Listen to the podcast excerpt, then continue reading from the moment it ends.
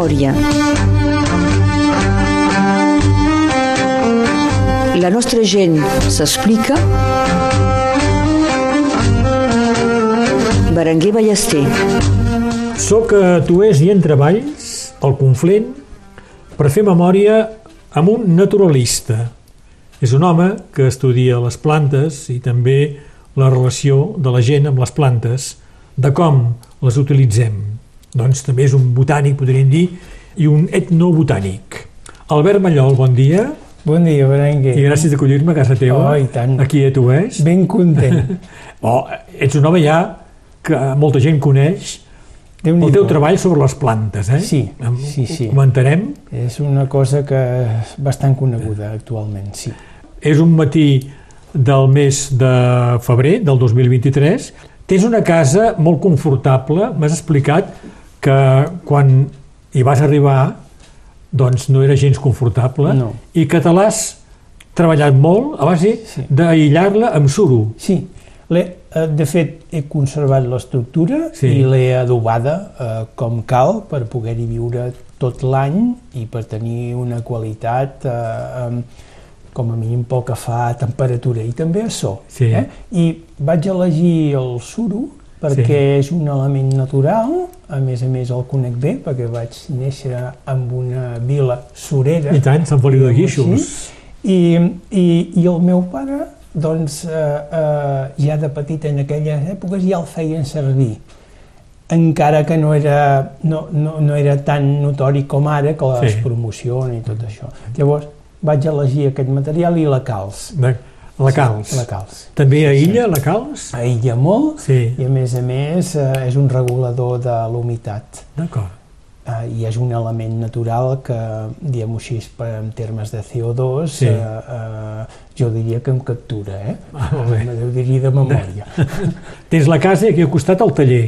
Sí, aquí mateix que ara tenim un taller que de fet eh, és eh, un taller on preparo coses de les que faig, de fustes, llenyes i, i de plantes, però a més a més també ens serveix una mica d'exposició per quan venen amics o persones que s'interessen per tot aquest món de la natura. Un taller, si veniu un dia ho veureu, és, és impressionant perquè hi ha tot de mostres de fusta tallada, de fusta però tallada científicament, de manera sí. que es pot contemplar ben bé l'interior i la sí. manera que, de, que s'ha creat la fusta. De fet, eh, eh, quan vaig començar, eh, la idea era fer una rodella i un, i, i un tauló.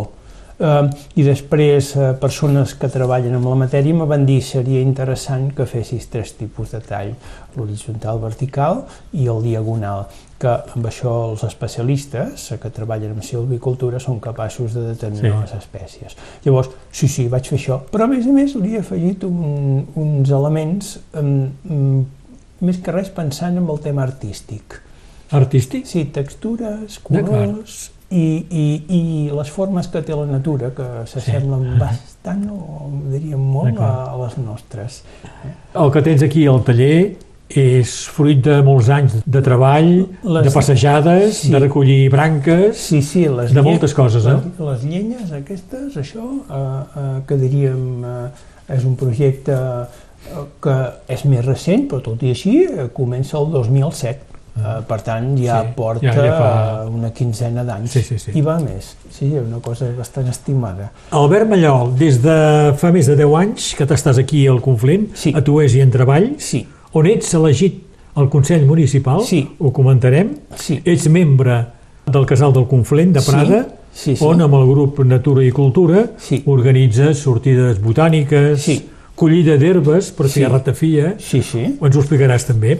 Fas exposicions, conferències... Sí. Albert Mallol és un nom que ja és, la gent coneix sí, aquí a Catalunya Nord. En temes de, de botànica i de natura, sí, eh, sí eh, actualment sóc bastant conegut. Participo en, en diverses associacions, eh, també sí. a la Societat Micològica i Botànica de Catalunya Nord, des del bon principi, eh, des de que vaig arribar aquí, i, i, i eh, diria que la primera persona que em va contactar per un tema de flora catalana de noms i per donar-me bibliografia i per orientar-me va ser en Miquel Maiol. No sé pas quin any va ser, però jo diria Jo diria que seria el 2009 o així, eh, de seguida que vam tenir el web i que va començar-se a indexar i va començar a sortir per la xarxa, en Miquel me va escriure. Perquè li interessa molt tot això. Perquè li interessa tot això i vaig establir contacte ja no he perdut mai més el contacte amb en Miquel, encara que ens trobem de vegades amb una mica de decalatge de temps, vull, Sí. dir, vull dir que passa temps, de vegades no ens veiem perquè tenim activitats Sí, tots sí, dos. sí.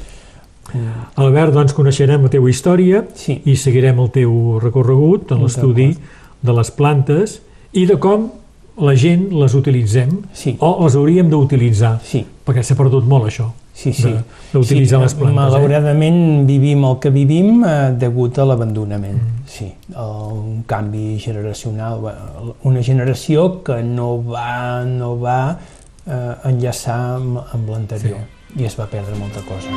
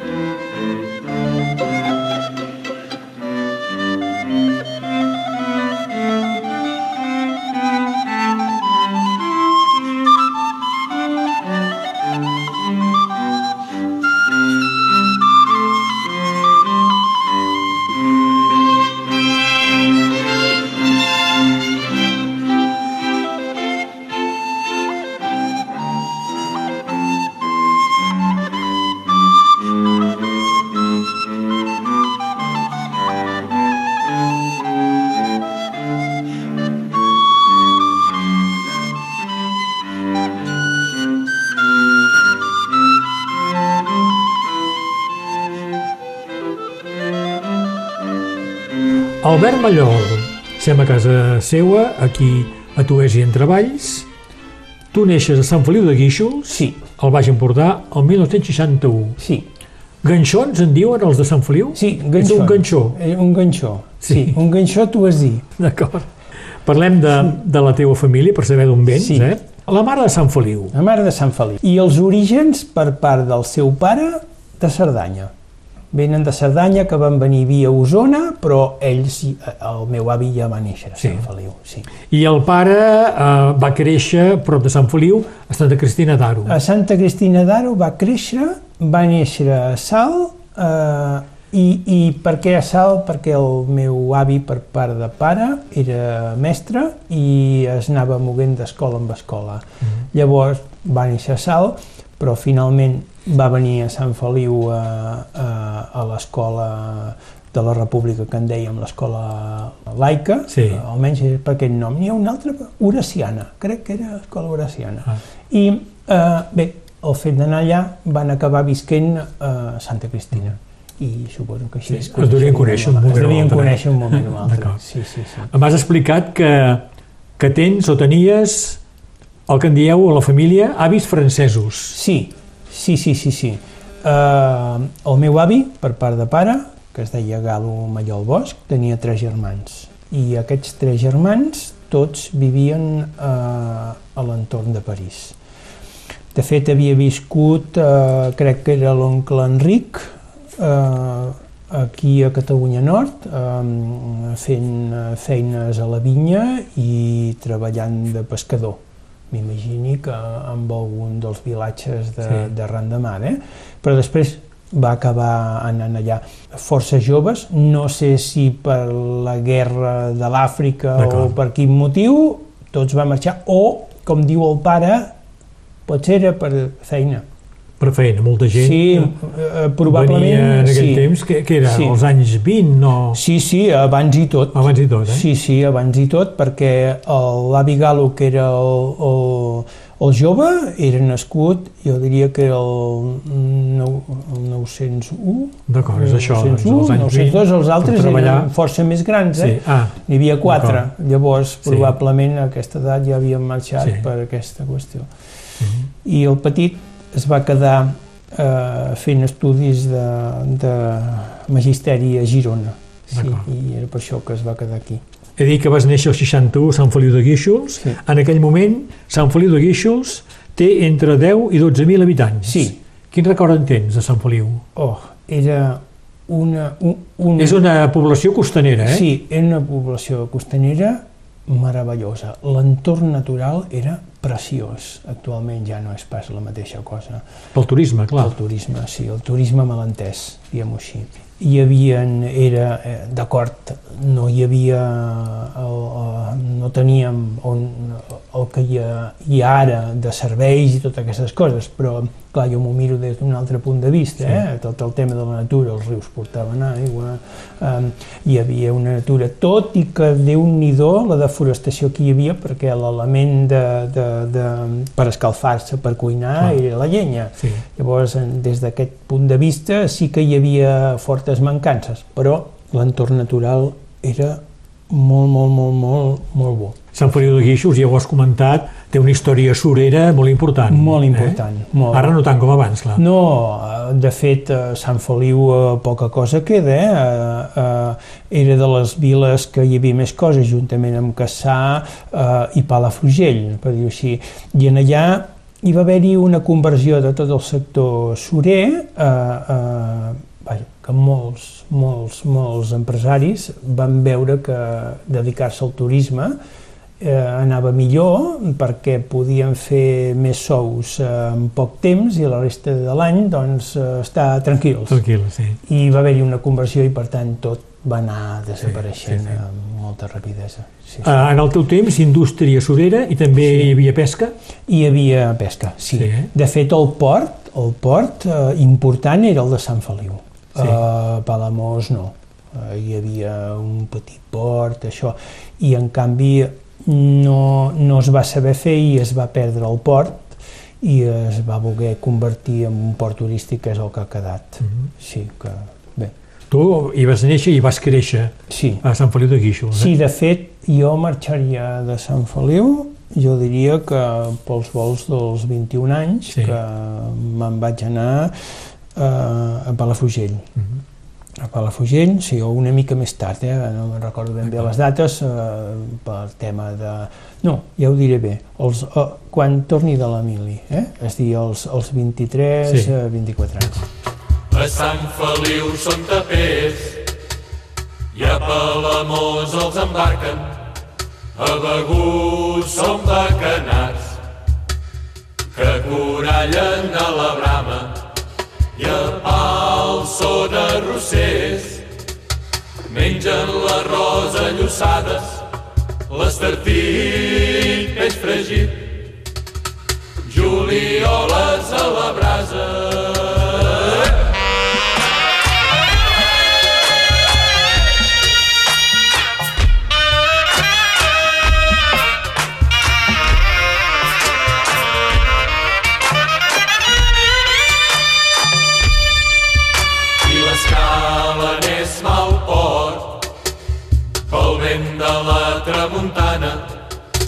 Empúries hi ha un convent on no volen donar aigua i a Sant Pere pescador tenen els fems dins les cases Castelló, Vila Major tots són jutges i notaris.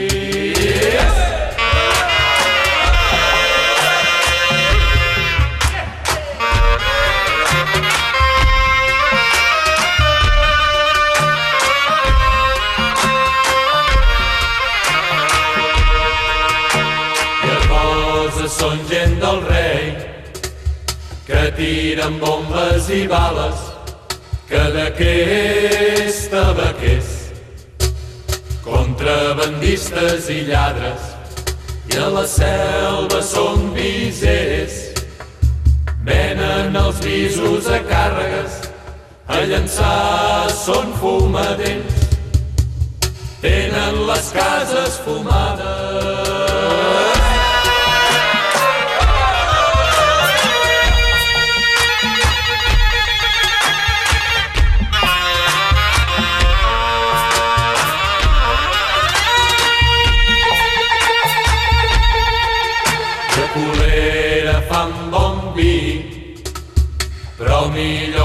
la garnatxa. De Portbou no us en dic res, perquè hi ha molt poques cases i en arribar al Rosselló aniríem fins a Salses, però els francesos s'hi han ficat i la cançó es torna agra i en arribar al Rosselló aniríem fins a Salses però els francesos s'hi han ficat i la cançó es torna agra Memòria a Ràdio Arrels amb Berenguer Ballester. Albert Mallol, parlem de Sant Feliu de Guíxols, n'hem parlat ja perquè hi vas néixer Sí. l'any 1961. Sí. M'has comentat que Sant Feliu de Guíxols ha estat, no sé si encara ho és, una vila molt musical. Oh, molt. Encara ho és? Uh, No tant. Uh, no tant, no tant. Tot canvia, sí. Sí, tot canvia, eh? Potser ho tornarà a ser, eh? Perquè eh, gent que estima la música n'hi ha, eh? Sí. Però en aquells moments, eh, pels records que, que tinc del que m'explicava l'àvia, eh, a l'època de la República hi havia tres cobles orquestres, no? I, i, i havia, la música era un element molt i molt present. Jo, de petit, recordi pas masses coses d'això, eh? de tant en tant sardanes, i eh, si hi havia el ball al casino, hi havia dos casinos, el dels nois i els, i els altres eh, dels senyors, Sí. i es feien cosetes, però ara estàvem al final del franquisme i la música no era pas massa present, Mm. diguem-ho d'aquesta manera. I un parèntesi eh, musical, també de Sí. Sant Feliu, Sí. Juli Garreta, Juli el Garreta. gran compositor Juli Sí. Garreta, era de Sant Feliu. Sí, i em fa riure només de sentir el seu nom, perquè el nom popular que li deien, Ah? espero que ningú m'escolti, eh, eh, li deien les palles rellotges. Ah, sí? Sí, Per què? Sí, perquè eh, eh, sí que es dedicava a la música, eh, composava i era un molt bon músic, però tenia, arreglava rellotges. Ah, d'acord. Sí. Eh, I no els arreglava, Oh, doncs? potser els arreglava molt bé, però Sí. com que sempre hi ha gent que critica, això li van dir. L'Espanya Se les rellotge. falles rellotges. Ho vaig sentir dir a la meva mare en una entrevista que li van fer des del Sí. Museu de Sant Feliu i vaig dir, caram, i després me'n No van fer sabies? 5 cèntims més. El Juli Garreta, eh? el gran Juli Garreta. Eh? Garreta, sí. He parlat de música perquè tu en fas de música, eh? Sí. I hi ha un moment, Sí. per mi, extraordinari, Sí, i és quan m'expliques sí, que ja, eh, després de, de, de fer flaviola, flauta, passes a la tenora sí, sí, i tens un professor sí. que se'n deia Ricard Viladasau, Vilassau, sí. el príncep de la tenora, no? El príncep que li de deia Pau. Casals. Sí, exactament. Sí, és tota una història. Eh, jo comenci amb la música tard, eh, el descobreixo a l'escola amb un professor que vaig tenir en allà que ens portava el violí a classe i ens va dir, va, vinga, que aprendrem a tocar una mica la flauta. I després això va continuar amb un centre excursionista on vam començar a fer activitats perquè tot, una colla de pares eh, es van ajuntar per fer teatre, música, portar els nins d'excursió i tot això, entre ells el meu pare, no? I, i, i en allà hi va haver-hi un músic d'una d'aquestes tres orquestes que, que t'explicava, els Víctors, que es deia Miquel Jacomet. I en Miquel Jacomet, que després se li, amb honor seu es va fer una, una, un conjunt de veneres que es deia la Colla Jacomet, doncs en allà eh, eh, vaig aprendre a tocar la flauta, però jo volia fer més, jo volia instruments de, de, de vent. Sí. I a l'escola de música on te vaig anar a estudiar solfeig, en allà no oferien res de tot això. La Diputació de Girona en aquell moment deixava unes tenores i te, mm, te donava, eh, no sabíem qui, uns cursos, eh, bé, un, un dia a Girona eh, a practicar una horeta amb un professor. Vaig arreplegar la, la, la tenora, diguem-ho així, cap amunt, i allà me vaig trobar un mestre, que a més a més... I sabies qui era? Uh, en aquell moment que anava cap allà ja m'havien informat no, no, tindràs un professor de, de, de categoria extraordinària. I dic, caram, vaig cercar informació. I vaig dir, culleres aprofitem-ho I, i, i en allà recordi que quan anava a les classes tenia un alumne però aquest alumne era bastant més gran que jo era una persona que ja portava molt treballant. Um, Gispert jo diria que es deia Josep Gispert que va ser tenor de la principal. Tenor també, no? Sí. Molt conegut també. Sí, era un sí. deixeble d'en Ricard Viladasau. D'acord, sí, sí. Només sí. de sentir uh, en en Josep com feia les classes, deia, mare meva, el que me queda per córrer. Sí, sí. I quan tocava en Ricard Viladasau ja era... Sí? Com era personalment ell? Molt maco. Com a persona i com a professor? Uh, molt maco. Tenia molta paciència. Sí. Era una persona que, que li agradava el que feia i a més a més sabia connectar amb la tenora que evidentment de vegades s'espatllava a tocar les, uh, les sabatetes que tenen les claus i tot això que ara recordi que eh, me deia, vine, que portarem tots dos eh, la tenora eh, a arreglar a la Bisbal. Eh, en allà hi havia el senyor que les, que les feia. I, i eh, anàvem, anava, jo anava amb autobús a Girona a fer les classes i amb el, la seva botura anàvem fins a la Bisbal, visitàvem a la persona que, que, que les arreglava, li deixàvem l'instrument, ell li deia les coses que havia de fer i després ell me deixava a Palafrugell jo agafava l'autobús, me n'anava a Sant Feliu i ell, que era, crec que era nascut a Colonja. A Calonja, sí, sí no? Sí, però tenia una casa a Llafranc. Després ell ah. anava cap a Llafranc i totes les vegades que, que fes falta, doncs fèiem el mateix si es havia de revisar ah. l'instrument. I mentrestant me posava música i m'explicava coses de música. Estem parlant de Ricard Viladasau, de eh? Ricard Viladasau. I recordi una vegada que em va dir una cosa que ho he fet servir tota la meva vida i passa només amb la música. Toca poc, però toca maco. I això és una cosa que sempre m'ha marcat i crec que totes les coses que els hem de fer, encara que no sigui pot ser l'adjectiu adequat, hem de dir que fem les coses de manera maca. Sí, sí. sí. sí i és la guia que serveixo. Encara toques la tenora? No. La vas deixar? La vaig deixar perquè el que m'interessava era tocar el saxo i perquè m'agradava molt la música de carrer en un moment que no hi havia res. I arrel d'això, doncs vaig estudiar el saxo, en un moment que no la, que no la segueixo, torno a l'instrument, perquè almenys una altra persona sí, pugui, pugui continuar-ho.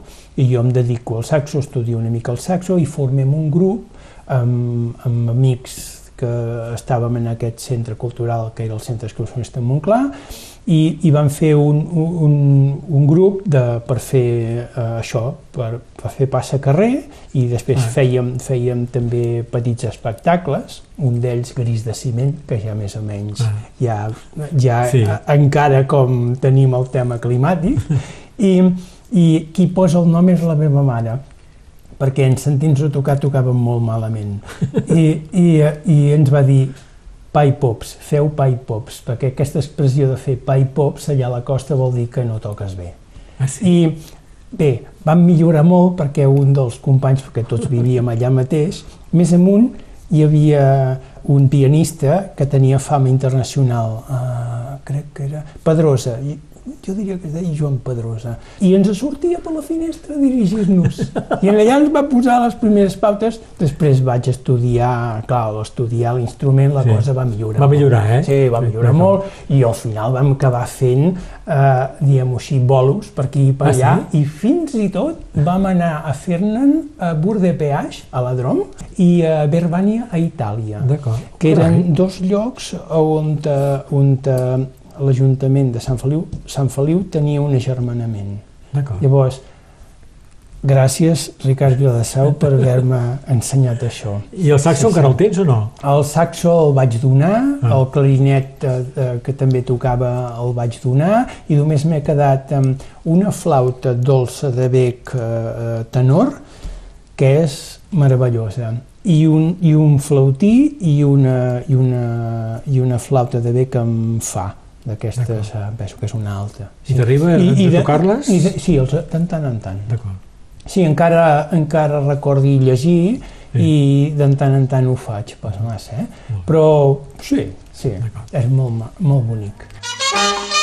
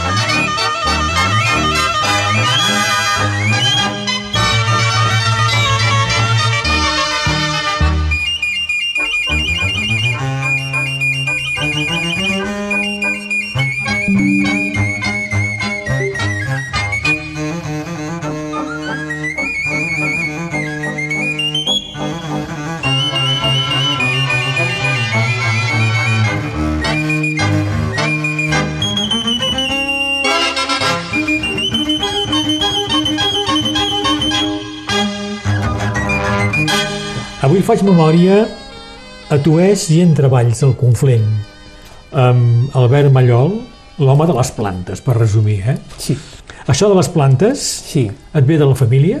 Uh, L'interès per les plantes, Sí, comença, per la botànica? comença amb la família, amb, amb l'avi, que tenia mala salut eh, al cor, eh, fumador. Ja una mica ens adona trets Sí. eh, dels perquès, no? Ramassava plantes eh, per portar-les a una persona que també n'hi donava per intentar eh, guarir-se. Es cuidava amb Sí, plantes, ell? Es cuidava en plantes perquè en aquells moments l'accés als medicaments era molt costós i a més Sí. a més n'hi havia molt pocs. Per I tu ho veies, això? Sí, jo de petit eh, l'acompanyava, és l'única cosa que recordo, eh, anant amb ell a buscar-ne, sí. Tenien una peça de terra que em dèiem la vinya i que de fet eh, hi havia vinya i vam acabar fent vi i força i vinagre i molts llegums i moltes coses que va ser el que després la meva mare continuaria i es dedicaria ja pràcticament una bona part de la seva vida a, a l'agricultura, que aquí és on continuaria tot el tema de les plantes. Llavors comença amb l'avi. I quines plantes anàveu a cercar amb l'avi per Sí. guarir-se? Jo, jo recordo que, que agafàvem fulles de, de cep, que deien que anaven bé De la vinya? De la vinya, sí. I, i després, eh, bé, coses per menjar també, eh, màstecs i cosconies, i després eh, hi havia tota una sèrie de plantes que n'hi havia una precisament que, que es havia d'anar molt, en, molt, molt, molt en compte, que la Travalera, que era que justament el nom que té allà no té res que veure amb els altres llocs que es diu Fuixarda, que era una, un resolutiu, un, una planta d'aquestes que fa baixar, Sí. per dir-ho així, no? I aquesta n'era una altra, i després, eh, sobretot, mentes i, i altres plantes, com per exemple els serrons de, de pastor, bosses de pastor, i, eh, i altres coses que no recordo. En aquell, en aquell moment, clar, jo era conscient de que anàvem a buscar coses, però, clar, tampoc eh, era massa petit. Sí. I quan acompanyaves l'avi, doncs, Sí. t'interessava el que feia ell? Sí. O, o, o Eh, seguia simplement? Sí, no, no, uh, sí que ens interessava perquè, com, eh, almenys jo, sempre he sigut una persona que m'ha agradat remenar. Uh, uh, L'escola no era pas gaire bo a la primària, degut, degut a, a que jo aprenia d'una altra manera. Llavors, anar amb l'avi i agafar, tallar, ajudar, posar aquí, portar, mirar i tot això, era el que feia que les coses que me devia explicar anessin quedant. Llavors, clar, jo ja tinc idea de- d'haver tingut contacte amb les plantes des de molt, molt, molt, molt i molt jove.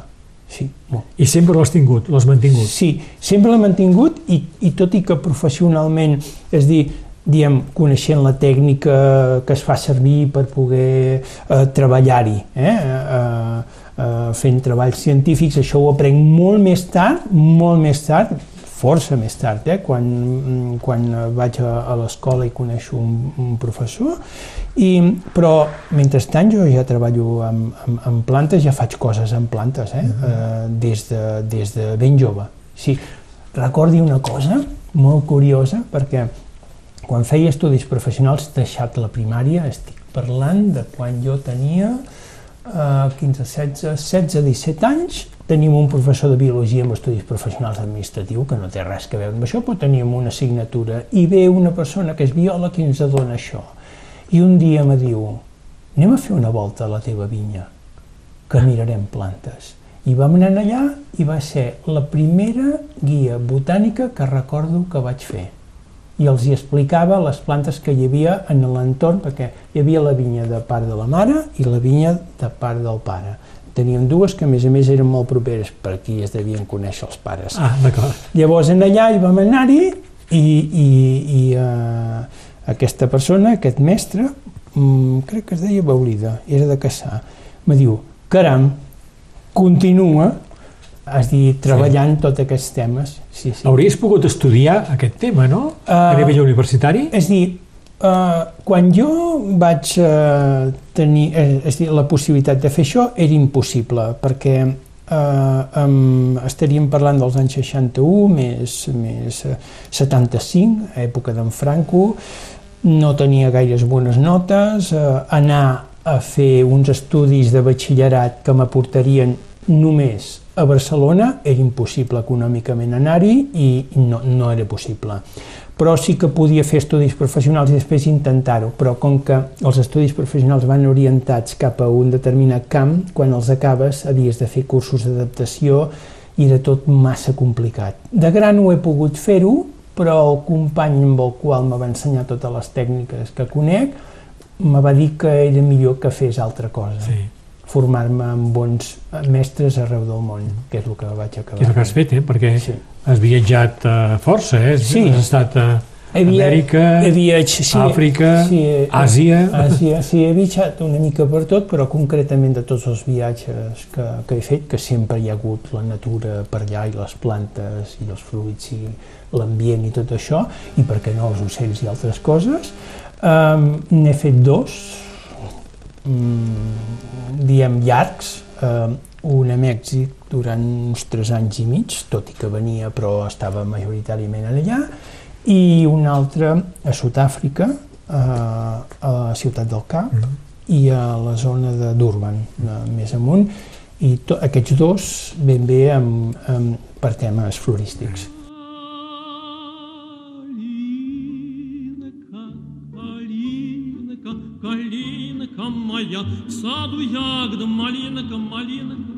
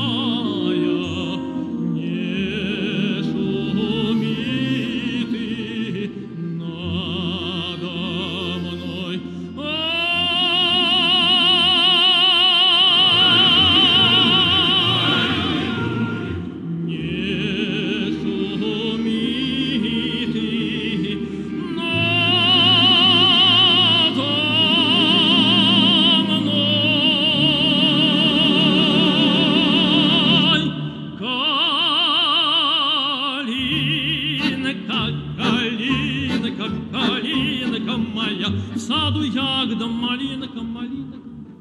Калинка, калинка, калинка, в саду малинка, малинка.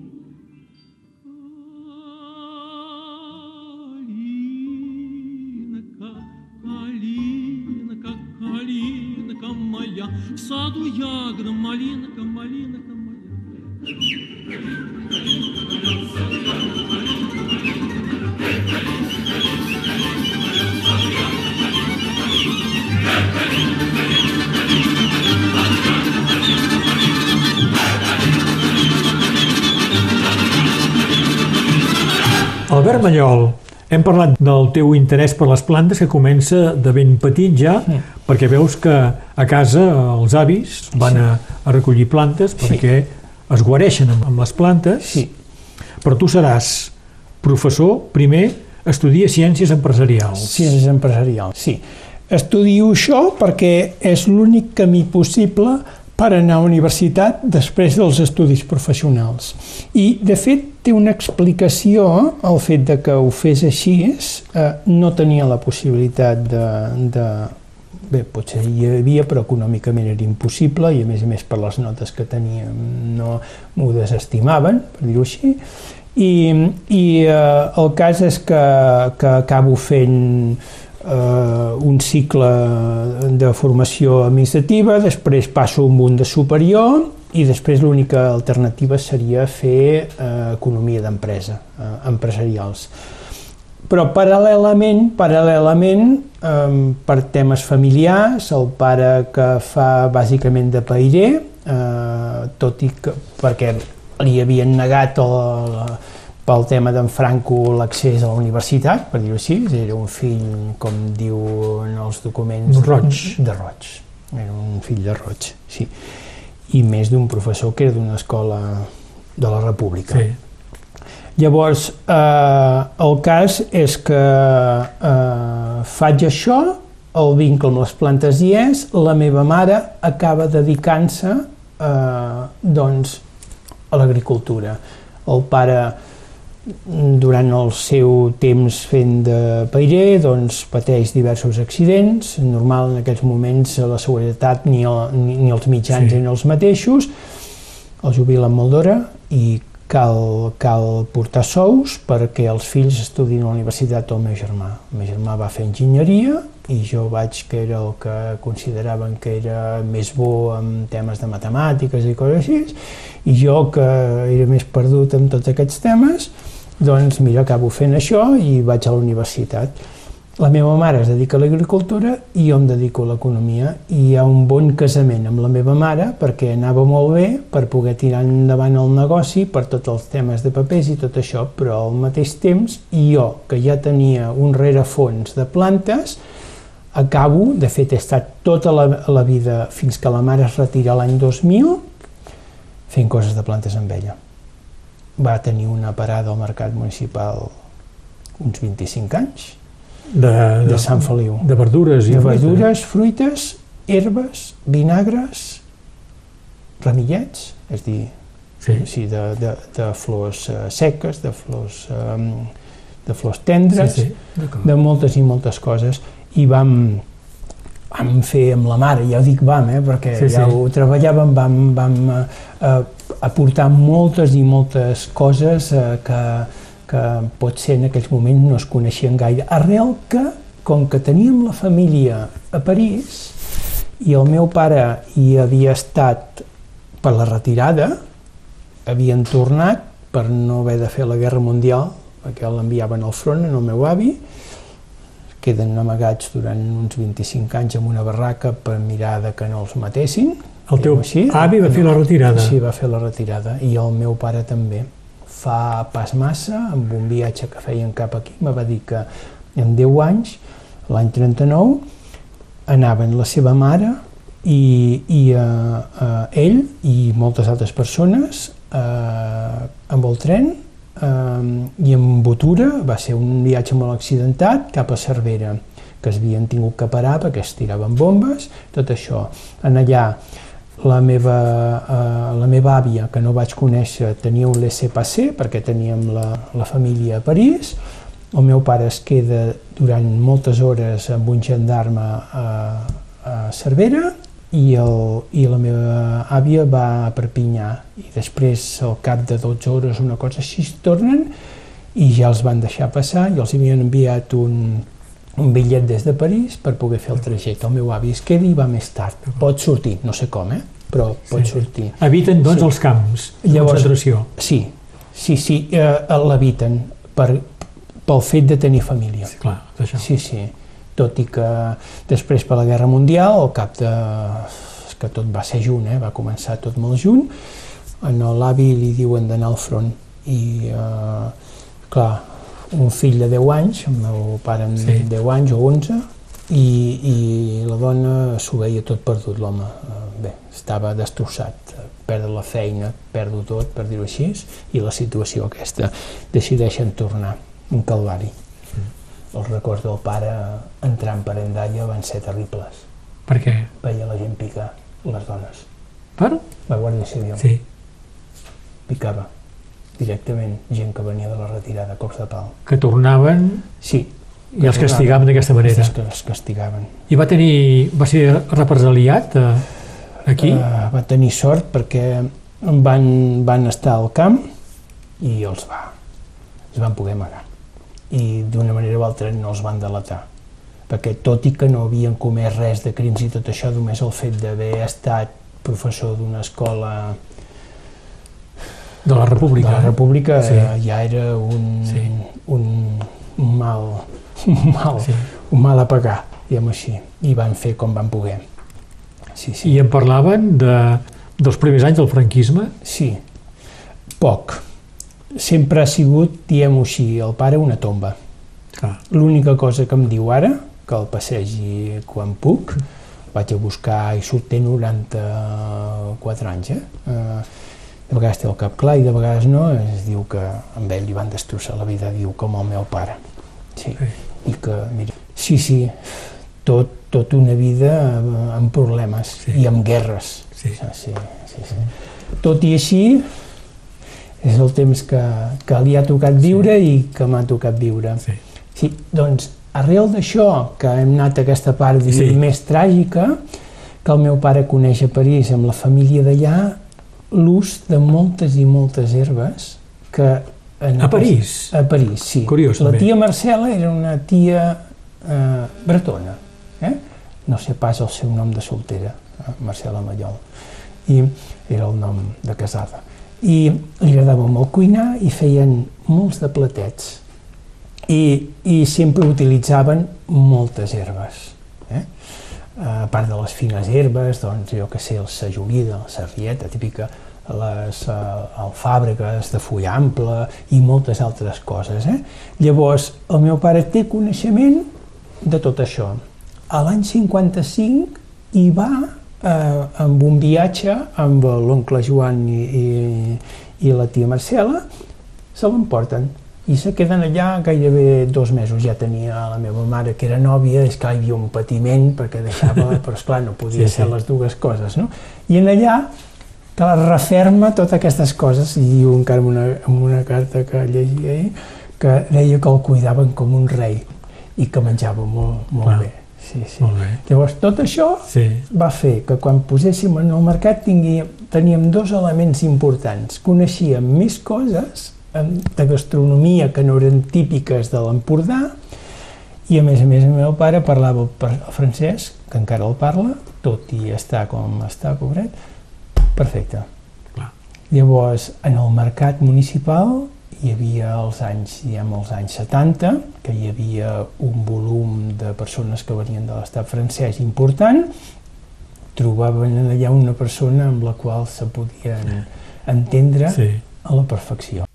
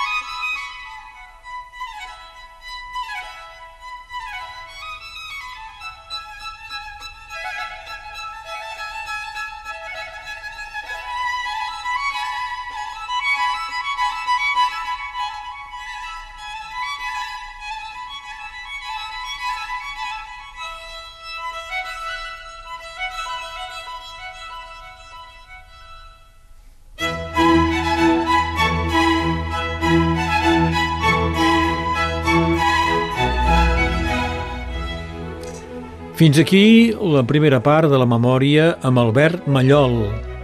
Sem a casa seua a Tuès i entre valls, al Conflent. Vivaldi amb el primer moviment de la primavera de les quatre estacions. Abans hem escoltat un fragment del concert en do major per flauta de Beck de Telemann, la cançó de Ramà del disc Cants a tenora de Jordi Molina amb la Mata de Jong del 2012, Tapi Carbassa, obligada de flaviol i contrabaix, de Ricard Viladasau, amb la principal de la Bisbal, i Kalinka, amb els cors de l'exèrcit rus. Són tot de músiques que Albert Mallol ha volgut. Demà, segona part de la memòria amb ell, hem d'entrar de ple en el treball que fa sobre les plantes. Del web Flora Catalana, que ell va iniciar, on es recull moltíssima informació sobre les plantes. Hem de parlar també de les exposicions que ha fet amb la seva companya, la Mònica López, l'exposició Mostra de Fustes de Catalunya i Occitània i més tard l'exposició Les plantes, uns remeis naturals a l'abast. I parlarem de Tuès, de la seva casa i el taller on hi té una xiloteca molt important una col·lecció de fustes i explicarà com és que arriba al Conflent. I si tenim temps parlarem de ratafia, aquest licor que es fa amb la maceració de diverses plantes. Ell organitza passejades al casal del Conflent per ensenyar com es fa una bona ratafia. Demà, doncs, a aquesta mateixa hora.